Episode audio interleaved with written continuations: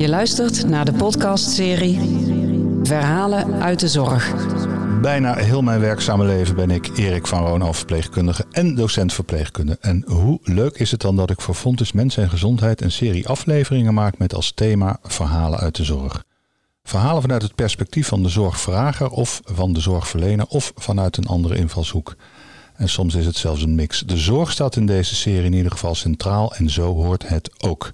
In aflevering 20 alweer gaat het over het verhaal van Saskia van Witsenburg, namelijk van verpleegkundige en vrouw met een missie die de zorg wil verbeteren. In 2001 studeerde zij af aan de Hogeschool Rotterdam met de wens een verschil te maken als verpleegkundige. Nu, 22 jaar later, is haar missie meer zeggenschap en zichtbaarheid in de zorg. Haar opgedane kennis als verpleegkundige, zorgmanager, strategisch adviseur en coach gebruikt zij om zorgprofessionals en organisaties wakker te schudden dat het nu echt tijd is anders te gaan werken. Durf uit te spreken wat je nodig hebt en wees proactief. Laat je stem horen. Als community manager van de Nationale Zorgreserve zet zij zich in om zorgreservisten met zorgorganisaties te verbinden in tijden van nood. Als zorgmanager en adviseur coacht zij graag naar de nieuwe manier van werken. Werkplezier omhoog, verzuim omlaag. Wij als verpleegkundigen zijn nu aan zet om te vertellen wat echt goede zorg is voor de patiënt, cliënt, zorgvrager. Een andere lijfspreuk is geworden Let's Get Loud, dat is een nummer van Jennifer Lopez. En als Latina dame werd er en vaak over haar en ook negatief over haar gesproken, in de oordelende zin. Zo wordt er vaak ook naar de zorgprofessionals gekeken en dat kan echt niet meer. Verander wat je niet kan accepteren en be the change you want to see. Welkom bij Verhalen uit de Zorg, aflevering 20.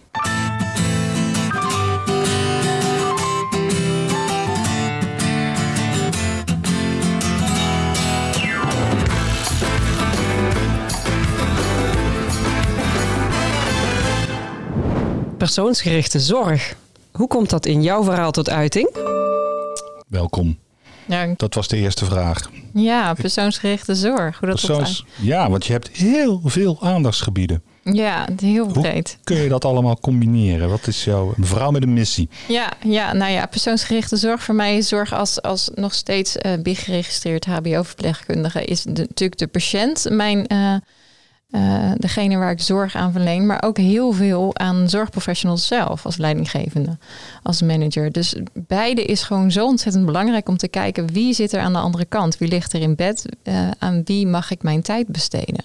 Dus ik vind het heel erg belangrijk om te vertragen, om oprecht aandacht te hebben voor de ander en datgene te geven waar ze behoefte aan hebben.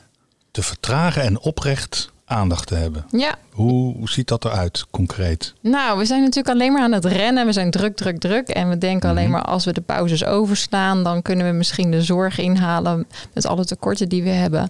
En zo kijk je dus naar eigenlijk zorg die verslechtert. Want we weten allemaal, als je een patiënt gewoon oprecht aandacht geeft, even ernaast gaat zitten, een luisterend oor biedt, dat ze dan minder gaan bellen om in het ziekenhuis bijvoorbeeld te kijken. Aha. En doe je dat bij eh, een, een medewerker? Je gaat gewoon even zitten. Je geeft een luisterend oor. En je doet oprecht persoonsgerichte aandacht geven. Aha. Dan gaan zij eh, het gevoel hebben dat ze gezien en gehoord worden. En dan eh, kan je ze op die manier beter begeleiden. En dan zie je dat ze wat proactiever worden. En ehm, minder in het grijze verzuim namelijk schieten. Dus In het wat voor verzuim? Grijze verzuim. Het ja, grijze zit een manager verzuim. tegenover je. Ja, grijs verzuim is eigenlijk verzuim dat je het niet eens bent bijvoorbeeld met dingen in de organisatie. Dan heb je geen zin om te werken, dus dan meld je je maar ziek. Ja, ja. En wat zou daar de oplossing kunnen zijn? Door dus die persoonsgerichte zorg te geven aan, Mhm. aan je medewerkers en luisteren wat hun Want je hebt het nu is. vanuit het perspectief. Ik moet even, even terug, want eh, je hebt het over vertragen, maar je praat vrij snel. Ja, Heerlijk. we hebben een half uur. Ja. nou ja, en meer. Mhm. Het is maar net eh, hoe, hoe dat het uitkomt. Eh, je, dus je gaat zitten, je hebt het nu vanuit het perspectief van de, de manager naar de zorgverlener, naar de collega verpleegkundige. En die ga je een luisterend oor Ja. bieden door daadwerkelijk te gaan zitten. Ja. En dan, en voel, voelt men dat ook? Ziet Ja. men dat ook? Het is, is het niet alleen letterlijk gaan zitten, maar hoe, hoe, hoe werkt dat? Hoe, hoe, ga Nou, je te werk? Nou, eigenlijk net als met de patiënt. Je zit naast ze en je gaat toetsen wat de behoeftes is. Dus het maakt mij niet uit wie er tegenover mij zit. Of dat nou een zorgvrager is of een medewerker. Mhm. Maar door te vertragen, door te voelen wat er nodig is, door te signaleren. Nou, dat ben je natuurlijk als verpleegkundige leer je dat.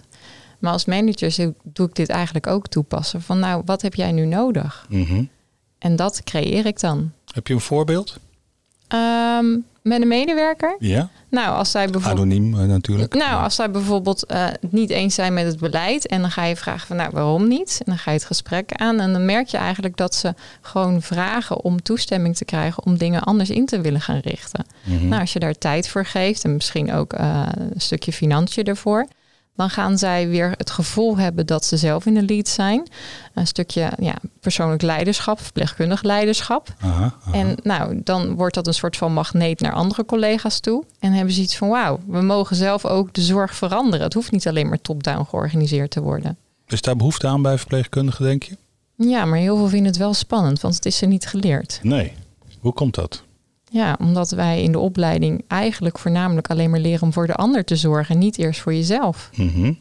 En daardoor is het verzuim natuurlijk ook zo hoog. Want naast verpleegkundige ben je meestal ook mantelzorger. Nou ja, ik ben zelf moeder. Er zijn best wel veel vrouwen in de zorg die ook ja, moeder zijn. Dus ja, En mannen die ook vader zijn. ja, ja, Ja. zeker. Ja, heel veel ouders natuurlijk in de zorg. Precies. Ja, dus, maar wij, eh, ja, wij voelen zo ontzettend wat de ander nodig heeft. Daarom staan wij altijd klaar. Ehm, maar eigenlijk moet er een soort van pauzeknop opkomen van, nou, wat, hoe voel ik me nu echt? Wat heb ik nodig? En die vraag moet er eigenlijk meer gesteld worden. Dus niet alleen aan de patiënt van hoe kan ik u helpen, maar ook aan de zorgprofessional om voor die patiënt goed te kunnen blijven zorgen. Ja, en als je die lijn doortrekt, want je had het net, dat hebben wij niet geleerd. Je zit hier natuurlijk aan tafel met eh, iemand, Ja. met een docent. Ja, Hoe kunnen wij dat? je ziet mogelijkheden. ja. Hoe kun je dat als, eh, als, eh, als, als opleiding voor elkaar krijgen? Dat verpleegkundigen in opleiding, en, en ook als op het moment als ze gediplomeerd zijn, dat ze die pauzeknop wel herkennen en weten te vinden en indrukken. Nou, ik denk als je ziet als opleider dat je weet dat eh, binnen twee jaar eh, vertrekt alweer 40% van de zorgprofessionals met een opleiding uit de zorg, dat je moet, eh, in de opleiding moet gaan vragen van hoe kan dat? Wat, wat Kan is, je die, dat getal even herhalen? Want ik schrik daarvan. Twee jaar? en binnen twee jaar vertrekt 40% van de zorgprofessionals uit de zorg. Ja, dat. Dus die hebben jarenlang gestudeerd mhm. en binnen twee jaar stappen ze al uit het vak. Ja. En dat komt voornamelijk omdat het vak toch niet uitsla- aansluit bij de behoeftes of bij de gedachten die ze hadden dat het vak zou kunnen zijn. En dat begint als je die lijn dan nog meer doortrekt. Dat betekent dat je voordat mensen. eh, we hebben te maken met een teruglopen Mhm. in aanmeldingen. Eh, we willen het vak aantrekkelijker maken. Maar het begint voordat zij de keuze maken om voor dit vak te kiezen. Daar moet al die. Een- Daar moet een soort van voorlichting, het verwachtingspatroon moet Ja. heel duidelijk neergelegd worden. Ja. Dit is het vak van verpleegkundige. Dus het, het gaat verder dan het aanleren in de opleiding. Maar Mhm. het moet nog iets aan vooraf gaan. Middelbare scholen misschien al. Mhm. Ja, in de basisschool eigenlijk al. Als mij vraagt. Ja, nou, de kleuterschool. Als je geboren bent. Als je geboren wordt, dan ga je jou klaarmaken voor de zorg. Ja. Nee, maar wel hoe je ehm, juist de keuzes maakt en voor jezelf gaat zorgen. Mhm. We hebben natuurlijk een groot maatschappelijk proble- probleem. En mensen worden minder sociaal door al de beeldschermen. Mhm. En ehm, Is dat zo? ja, heel veel mensen durven niet meer te bellen. Ze kunnen alleen maar appen. Ze vinden het spannend om te bellen. We hebben het over social media. Ja, maar hoe Maar sociaal is social media? Ja, ja. Ja. Is het, of is dat meer, zijn dat meer omgangsvormen? Ja, het is natuurlijk ook schone schijn. Kijk, voor mij geweldig zijn, maar ondertussen zijn heel veel kinderen ook eenzaam. Mhm. En die zien dan op de socials bijvoorbeeld hoe geweldig anderen zijn. Mhm. Maar ja, wat is er nou het echte verhaal? En als je dan teruggaat naar de opleiding van verpleegkunde, als je denkt dat je een groot verschil kan maken in een mensenleven. Mhm. En je bent heel druk met heel veel regelzaken. En dan denk je van ja, weet je, ik word en niet goed gezien en gehoord op de werkvloer. Eh, er zijn in verhouding natuurlijk heel weinig collega's. We werken nu ook steeds meer met uitzendkrachten, met ZZP'ers, om wat voor Mhm. reden dan ook. Dus als je die stabiliteit vanaf de start en jouw jonge carrière niet goed kan regelen en je leert ook niet je stem te laten horen, ja, dan kan je best wel snel denken van nou, ik ga denk ik toch maar in een ander vak. Ja, en hoe kun je in de opleiding daarmee beginnen? Heb je suggesties, heb je ideeën vast wel? Ja, een stukje persoonlijk leiderschap. Gaan leren, zien en voelen wat jouw kernwaarden zijn, wat jouw drijfveren zijn. En daarop doorgaan van, is dit nou echt de reden waarom ik dit vak kies? Ja, en dat is altijd best wel. Dat is interessant. Ik ben het helemaal met je eens. En dan denk ik aan het vak leven lang leren, waar dit soort aspecten dan uh, naar voren komen. Mhm. Uh, maar dat wordt toch altijd wel een beetje ervaren als van ja, moet dat nou? Hè? Moet ik mezelf leren kennen? Ja, maar als ik mezelf niet goed ken en niet goed voor mezelf zorg, dan kan ik dat toch ook niet voor anderen doen. Nee, nee ik ben het met je eens. Maar het, het is moeilijk om met deze leeftijdscategorie, zo jong, en om, om het ergens ja, vandaar dat ik, landen. Nou, vandaar dat ik ook zei, gekscherend, begin op de basisschool. En gewoon maatschappelijk gezien breed. Want er is niet alleen een hoog verzuim, uh, uh, heel veel burn-out uh, in de zorg, maar ook gewoon bij andere sectoren is er heel hoog verzuim. Mm -hmm. Het is gewoon een maatschappelijk probleem. En dat wordt ook weer, brugje naar de social media, opgelegd door schone schijn van, nou kijk geweldig, kijk eens hoe geweldig het allemaal is. Maar heel veel mensen voelen zich zo eenzaam. Mm -hmm. Best wel een, uh, een dingetje. Best wel heftig onderwerp, hè? Ja. Ging het? en dat met de eerste vraag van persoonsgerichte zorg. Ja, dus eerst goede zelfzorg. Ja. Ja. Ja, precies. Persoonsgerichte zorg. Hoe komt het in jouw verhaal tot uiting? Dat is dan de vraag. Maar zo, die is, ja, kijk in de spiegel en richt die zorg eerst op jezelf. Ja. Dat is jouw, ja. ja, hoe zeg je dat? Jouw boodschap. Ja.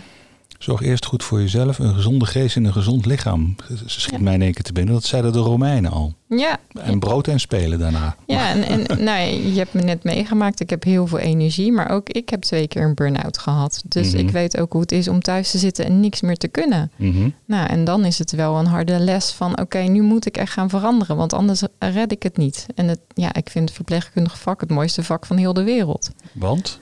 Ja, dat je voor anderen uh, van betekenis kan zijn. Mhm. En uh, nou ja, straks komt ook een mooi nummer daar uh, in de podcast voorbij. Dat, dat je zo dichtbij um, een verschil in iemands leven mag maken. En als ik vertel, dat merkte ik al toen ik de opleiding deed, ehm, dat je verpleegkundige bent, dat mensen dan vertellen waar ze allemaal last van hebben. Dat ze je advies vragen. Nou, ja. Buiten de zorgsetting, doe Ja. je dat zo? Ja. Ja, en Dus gewoon op straat in de winkel. Nou ja, toen ik, Toevallig valt dat. Toen ik de opleiding deed en was ik ook vakkenvuller bij een supermarkt. En toen kwamen regelmatig mensen bij mij van... hé, hey, jij doet die, toch die opleiding, mag ik je advies vragen? Nou, Oh, echt? Hoe Ja. mooi is dat? ja. Nou, dus ja, dat verschil mogen maken en zo dichtbij mogen komen. En hoe ging jij daarmee om? Ja, respectvol. En ik vond het heel fijn. Want dat, dat, dat was, ik, ik wist al op zevenjarige leeftijd dat ik verpleegkundige wilde worden. Ja. Dus het was voor mij gewoon, oké, dat is mijn missie. En dat eh, heb ik gewoon gedaan. Is dat ook learning by doing? Ja, heel erg. Ja. Ja, ja ik zit aan het. Sorry voor, eh, voor alle Engelse termen, maar mm, dat kan ik wel hebben. kan je hebben. Altijd zo eh, gewoon ja, ervaring opdoen. Meters maken. Ja, Hoe zeg je dat op z'n Rotterdams? is dat zo goed te horen dan? Nou, in de intro. de- Ja, de- ja, ja. nee, Oh, het is school helemaal niet. Ja, nee. Valt Ja. heel erg mee hoor. Nou ja, gewoon wel mouwen opstropen en gaan. Ja. Ik ben niet zo van de theorie, ik ben meer van de praktijk. En nou ja, Pippi Langkous, hè, ik heb het nog nooit gedaan, dus ik denk dat ik het kan. Ah ja, ja, Gewoon ja. over gaan. Ja, Learning by doing. Dus ja, ervaringsleren ja is dat dan ook weer. zeker. Wat zou jij aan, eh, aan studenten mee willen geven? Hè? Dat, want je hebt zelf al, oké, het moet vroeg in de opleiding zitten, goed voor jezelf zorgen. Kijk regelmatig in die spiegel en kijk dan wat, wat er bij jou tekort komt en zorg dat dat erbij komt. Mhm. Eh, heb je andere tips voor jonge mensen die voor dit prachtige vak kiezen? Want we hebben te maken ook met een terugloop hè, Ja. in het aantal aanmeldingen. Dat baart mij in ieder geval heel erg veel zorgen. Ja, Ja, ja ook. het is nu ik. 1 op de 16 in de zorg werkt. Straks moeten er 1 op de 4 zijn. En we hebben echt een groot tekort nu al. Ja, wie, moet, moet, moet. Wie zegt dat? En, en nou, dat zijn de cijfers. Nee, maar de overheid zegt dat, hè? Ja, ja, dus we moeten de zorg echt anders gaan inregelen. Want op deze manier houden we het niet vol. We houden het nu al niet vol. Mhm. Maar eh, ja, het, het tip voor mij is... Wat, wij zijn voornamelijk gevoelsmensen als je voor het vak in de zorg kiest. Dus ehm, wat ik altijd adviseer is... zoek zeg maar een buddy met wie jij dingen samen mag gaan leren. Eh, als je stage loopt, kijk dan naar bijvoorbeeld een verpleegkundige... Die, met wie je een klik hebt. En, en ga daar dan één op één het gesprek mee aan van... nou, ik vind het spannend om dit of dat. Maar als je dat al lastig vindt in het werkveld... Mhm. Kies dan bijvoorbeeld eh, een vriendin uit of een familielid, dat je het daarmee bespreekt van nou, ik, ik wil, ik loop tegen iets aan, maar ik vind het lastig om dat te veranderen. Mag ik met jou daarmee oefenen? En dat kan, weet je, als, als klein kind vond ik het ook al lastig om nee te zeggen. Want ik bleef maar gaan. Ik vond Mhm. het fijn om voor anderen te zorgen. Dus dat zit natuurlijk gewoon, dat is je eerste natuur. Maar het gedrag moet wel veranderen. Want anders blijf je over je eigen grenzen heen gaan. Mhm. Dus ga dan eerst zoeken, zoek een buddy, of dat nou familie is of een collega. ehm, bij wie je je wel veilig en vertrouwd voelt en ga daarmee aan de slag. En eh, mogelijk dat je bijvoorbeeld dan ook op tijdens een werkoverleg een agendapunt ervan kan maken. En dat je hem dus breder trekt. En als je dan die veiligheid hebt gevoeld, kan je bijvoorbeeld ook als je afgestudeerd bent in, in werkgroepjes gaan. En zo kan je cirkel van invloed groter worden als jij, ja, als jij de wens hebt om die stem daar overal te laten horen. En durf ook op je bek te gaan. Ja, zeker. Oh, ik ben zo vaak op mijn bek gegaan en nog steeds. En ik zeg ook tegen mijn kinderen, die zijn 9 en 11, van ja, weet je, ik leer ook iedere dag. En hoe meer ik weet, des te meer ik niet weet. Maar ik Ja. lach wel om de fouten die ik maak. Want ik, ik, ik kwam met die opmerking op je bek gaan. Want je had een heel, een heel mooi betoog. En ik, ik kan het ook heel goed volgen. Maar je, dat, dat, dat vraagt nogal wat van je. Dat is een behoorlijke uitdaging. Ja, Om dat maar even te doen. En dan, dat dan weer gekoppeld aan de opmerking die je eerder maakte. Van ja, maar jonge mensen durven niet meer te bellen. nee, Die doen liever appen of, Ja. of, of iets op die manier. En dan ja, het in gesprek gaan, face-to-face, is best wel een, een dingetje dan. is En- heel eng. En in een opleiding kun je daar wel mee oefenen. Je doet een hele goede suggestie. Ga naar, eh, naar familieleden waarbij je je vertrouwd voelt. En ja, oefenen. Ja, Ja, meters maken. ja. Die manier. En durf je kwetsbaar op te stellen. Feedback vragen, feed up, feed forward. Daar gaat hij weer. Je doet ook iets met de Nationale Zorgreserve. Hè? Ja, ja. ja. Ik ben eh, twee jaar geleden daar gestart als community manager. En eh, Wat dat is dat? Community manager? ja, ook weer zo'n Engelse term. Ja, daarom. Oh, wacht, wacht. Daar heb, daar heb ik iets leuks voor. Wacht, wacht. Al die moeilijke woorden, wat betekenen ze eigenlijk? Ja, ik weet het ook niet Community hoor. manager. Community manager, dus ze zeggen dat ik zeg maar een community manage. Nou, het is eigenlijk gewoon heel plat gezegd. Eh, je hebt zorgreservisten, dat zijn mensen die het vak hebben verlaten om wat voor reden dan ook. Mhm. En die in tijden van nood nog bij willen springen bij zorgorganisatie. En ik ben dan de verbindende partij, de linking pin, om weer een Engelse term Mhm. erin te gooien. Tussen beide eh, en begeleid dat proces. En met mijn achtergrond als verpleegkundige en als zorgmanager kan ik beide goed snappen wat hun behoeften zijn. En in tijden van nood snel opschalen. Nou, in En- tijden van nood. We hebben net een tijd van nood achter ons. Ja, Is toen de Nationale Zorgreserve ontstaan of was die er al? Nou, hij is inderdaad tijdens de COVID-pandemie ontstaan. Eh, nou, we weten allemaal, eh, toen we helaas de berichten kregen dat het land op, schot, eh, op slot ging. En eh, nou, toen is er binnen no time hebben zich 20.000 zorgprofessionals of oud-zorgprofessionals zich aangemeld om te willen helpen. Nou, toen is eh, Stichting Extra Handen voor de Zorg eh, ontstaan. Mhm. Stichting Extra Zorg Samen. En ehm, dat is in, nu drie jaar geleden op de dag van de verpleging, Florence Nightingale, 12 mei, is die opgericht. Mhm. En de Nationale Zorgreserve is daar een onderdeel van. En helpt dus nu eh, daar waar nodig is. En gelukkig hebben we nu weinig hulpvragen, omdat het relatief rustig is in het land. Maar ja, er kan zomaar, eh, toen met de Oekraïnse vluchtelingen hadden wij ook kunnen bijspringen. Nou, we hadden laatst een treinramp, hadden we ook bijvoorbeeld kunnen bijspringen. Met Limburg, met de watersnoodramp. Hadden we, ik hoor drie keer hadden we. Ja, er is iedere keer gekozen voor een andere partij. Want wij zijn eigenlijk voornamelijk ehm, eh, voor zorgorganisaties. En bij de Oekraïnse vluchtelingen heeft het Rode Kruis zeg maar voornamelijk bijgesprongen. Mhm. Maar tijdens de COVID-pandemie hebben wij heel veel eh, hulp geboden aan zorgorganisaties. Zodat zij bleven draaien. Ja. 20.000 aanmeldingen hoorde ik je net zeggen. Ja, in het begin toen eh, met, vanuit Extra Handen voor de Zorg. Mhm. En de Nationale Zorgreserve heeft op dit moment ruim 3200 eh zorgreservisten verdeeld over het hele land.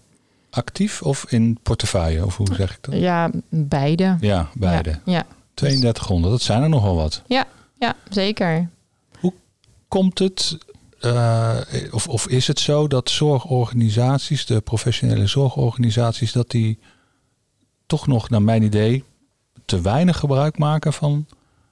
Klopt dat wat ik vraag? Klopt, ja. Nou, hoe, en hoe komt weet je, dat? ehm, ik weet niet of jij voor mij van de Nationale Zorgreserve had gehoord. Mm, nee. Nou, velen dus ook niet. Oh, voor, voordat ik jou leerde kennen? Ja. Jawel, jawel. Oh, dat wel. Ja, dat nou, wel. De Ja. velen in ieder geval niet. En we zijn natuurlijk nog relatief jong. En eh, ehm, Drie jaar. ja, drie jaar. En, ehm, maar eh, ja, het Rode Kruis, Kruis is natuurlijk begrip. Dat, dat bestaat al tientallen jaren. Eh, maar er is ook heel veel schaamte onder zorgorganisaties als je moet zeggen van ik red het niet meer. Ik moet Ja. anders gaan werken. Ik heb zorgreservisten nodig. Ja. En zijn ze bang voor gezichtsverlies? Wat zal de mens er wel niet van vinden? Krijg ik misschien minder geld straks vanuit de zorgkantoor? Ja. Noem maar op. Dus er is heel veel angst, schaamte.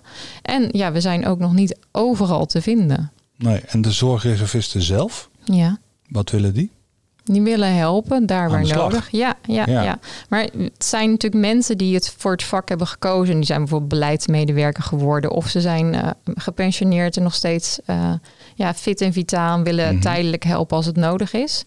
Ehm, dus ja, ehm, zij willen graag helpen daar waar nodig. Maar niet voor de algemene problematiek. Want Mhm. als je ziet dat er tienduizenden mensen per jaar ook de zorg verlaten. Ja, dat, dat gaan wij natuurlijk niet oplossen. Het is echt tijdelijk lokaal, regionaal om bij te springen. Ja, ja, ja. En de mensen die zich aanmelden voor de zorgreserve, ja, het zegt het eigenlijk al, die, die kiezen ook niet voor langdurige contracten, banen. Die Nee. willen echt. eh, Sommigen ja, wel, die vinden het weer zo leuk van ja, dit gevoel heb ik zo erg gemist. Ik ga weer terug het vak in. Ja, dat is mooi. Ja, dat is een mooie bijvangst. Maar Ja, bijvangst. Ja.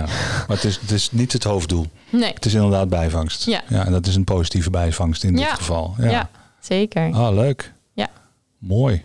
Nu 91. Ja, ik, eh, ik werd gebeld eh, vorig jaar dat eh, ik een award had gewonnen voor opinieleider in de zorg. Voor het eerste keer dat ze die award gingen uitreiken vanuit de vakbond. En nou, ik was, nou, ik heb niet, ik sta niet stel- snel met een mond vol tanden, maar toen was ik echt stil. Mhm. En omdat ik op zoveel verschillende manieren bezig ben het vak aan te jagen en op te komen voor de zorgprofessional, ja, wilden ze mij heel graag die award geven. Dus daar ben Mhm. ik heel erg trots op. Wat heeft het jou gebracht? Nou, veel zichtbaarheid. En ik word vaak gevraagd ook om te spreken. Ook juist met de gedachtegoed om voor meer zichtbaarheid en zeggenschap. En ehm, ja, eh, in tijden van tekorten is het mooi van... hé, hey, dit is een ander geluid. En ehm, ehm, laten we eens kijken hoe Saskia dat voor elkaar krijgt. Dus dat is wel heel waardevol. Ja.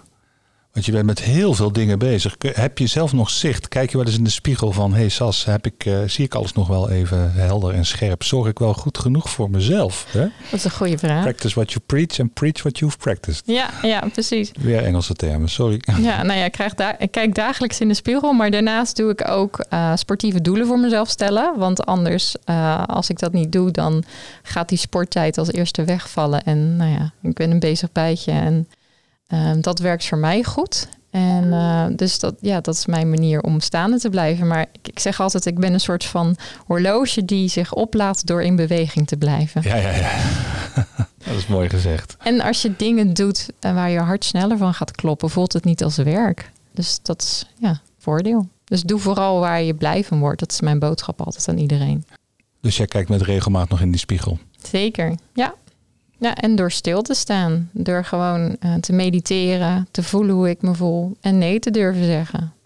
Bij anderen, eh, straks had je het over, eh, zet ik de vertragende factor in. Ja.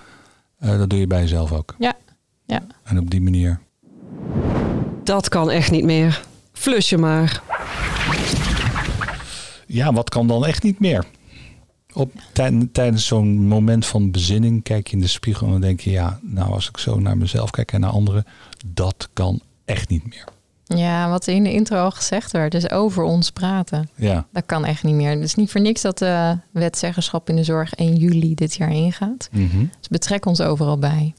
En toen ik ehm, klaar was met mijn studie aan de HBOV, toen ging ik werken in het mooie grote Erasmus MC met 15.000 medewerkers. Mhm. En de verpleegkundige werd daar gewoon niet vertegenwoordigd.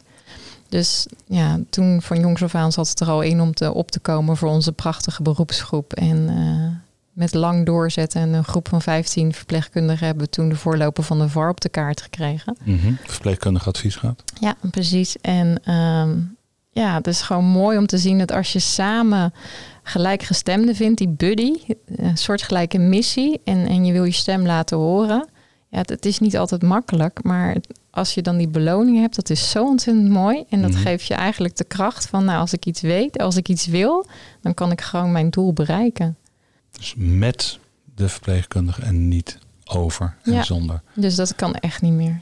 Ik, ik herinner me, in één keer schiet me dat er binnen een, een moment op televisie, want er wordt natuurlijk heel vaak over verpleegkundigen gesproken. En als het over verpleegkundige zaken, dat dan daar dan in één keer een dokter zit. Ja, En heel dat was frustrerend. Dat was dat moment van Diederik Gommers, dat hij samen met eh, de voorzitter van de Nederlandse Vereniging van Intensive Care Verpleegkundigen, Ja, eh, dat ze van stoelen gingen wisselen. ja, Ja, dat was natuurlijk ook wel voor de televisie, voor de, de camera's, voor, de- voor het oog van de kijker. mhm.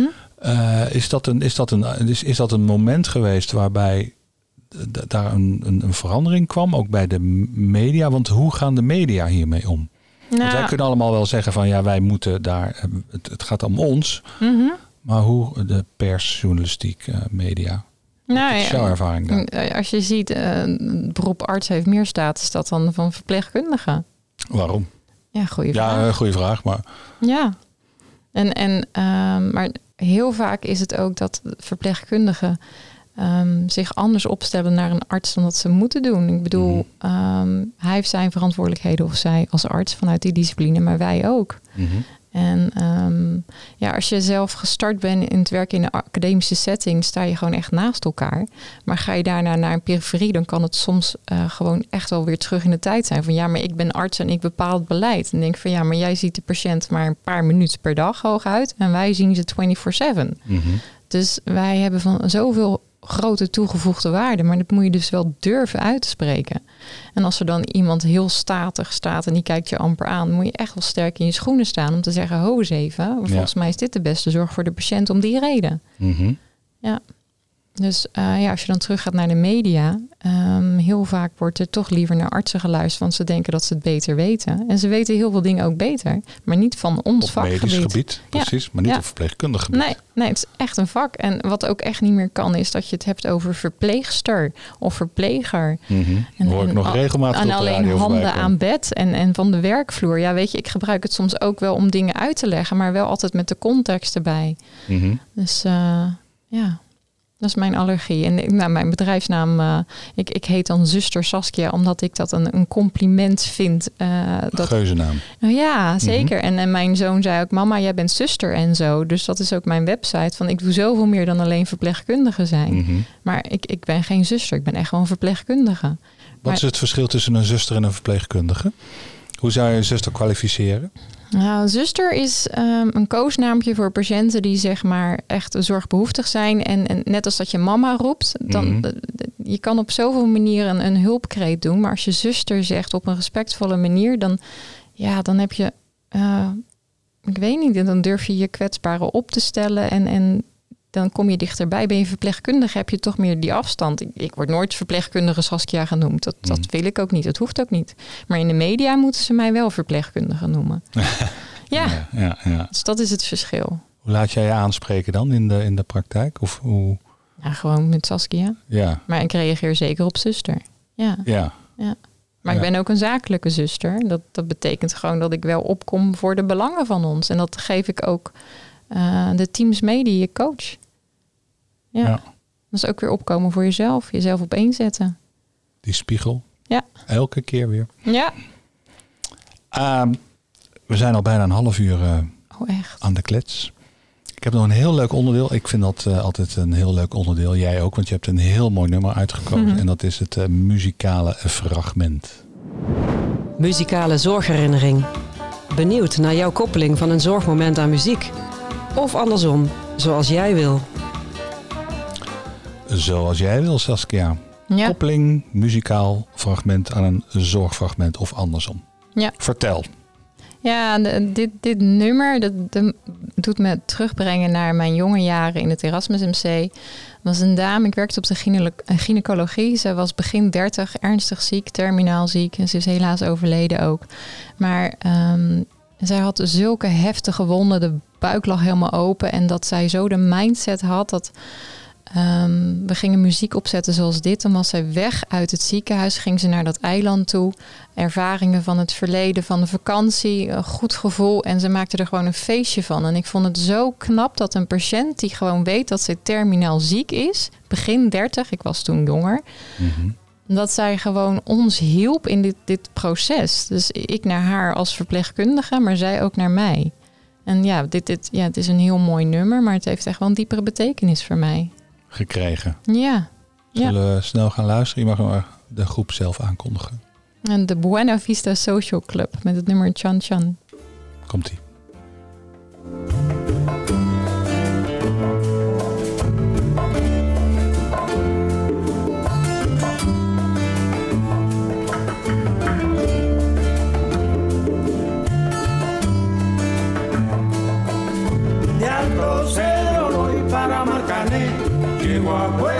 Y para Mayarín.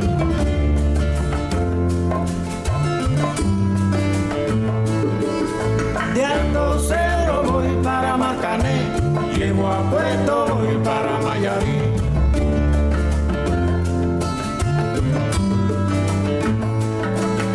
De Alto Cedro voy para Marcané, llego a Puerto voy para Mayarín.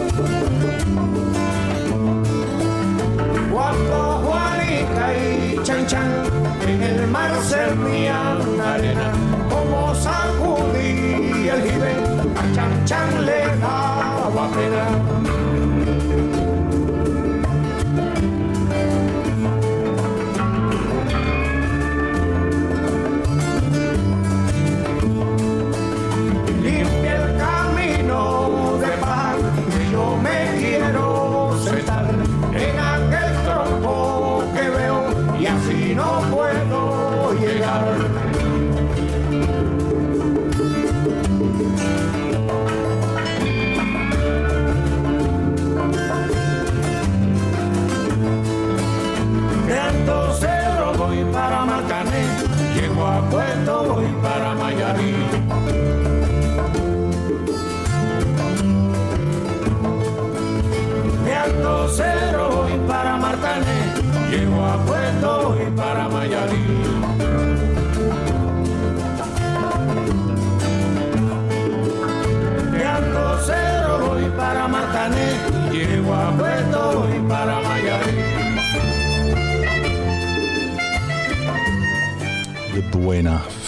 Vista Social Club.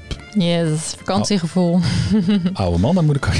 Ja, oude mannen, ja. zijn die, die clip die hebben we tot echt op hele hoge leeftijd. Ja. Hebben die eh, misschien nog steeds maken zij eh, Mooi hè? deze muziek heerlijk. Goeie dagbesteding. nou ja, Ja, kwaliteit van leven. creativiteit, je brein, eh, je voorst, eh, je frontaalkwap goed gebruiken. Zeker. Dat is het toch? Ja, Ja. Eh, Sas, we zijn al... Sas, voor mij nou. Sas, ja, Erik. Ja, eer. Eer. Ik heb een Rotterdamse vriendin en die heeft al ja eer. En dus ik noem maar, zij heet eh, Sandra, dus Sam noem ik, Ja. dus vandaar San Sas. Eh, we zijn al dik een half uur met elkaar in gesprek. Mhm. Heel veel onderwerpen hebben de, de revue al gepasseerd. Eh, zijn er dingen die nog echt gezegd moeten worden? Of waarvan je zegt van nou, hier wil ik nog even extra aandacht voor vragen? Nou, wat ik wel leuk vind nog, nog om, om aan te tippen, we hadden het net over de Nationale Zorgreserve. En heb jij in het vak gezeten, heb je een afgeronde zorgopleiding en heb je nog wat tijd over om in tijden van nood bij te springen, meld je dan aan als zorgreservist. Dus ja, het lijkt me ontzettend leuk om, om met jou dan, als er ergens nood is, eh, jou te kunnen begeleiden en datgene te doen dat wat nodig is. En hoe meld ik me aan? Waar, waar moet ik naartoe? Naar de website nationalezorgreserve.nl en dan kan je je aanmelden. En dan neem ik of een collega community manager contact met je op. Nou, mooi. Mooi om, eh, mooie afsluiting. Ja, Ik, eh, ik ga je danken voor je, voor je openhartigheid, voor, je, eh, ja, voor alles wat je eigenlijk hebt willen delen met mij en met de luisteraar. En bedankt. dank voor de was. uitnodiging. Graag gedaan. Vond leuk. Tot de volgende.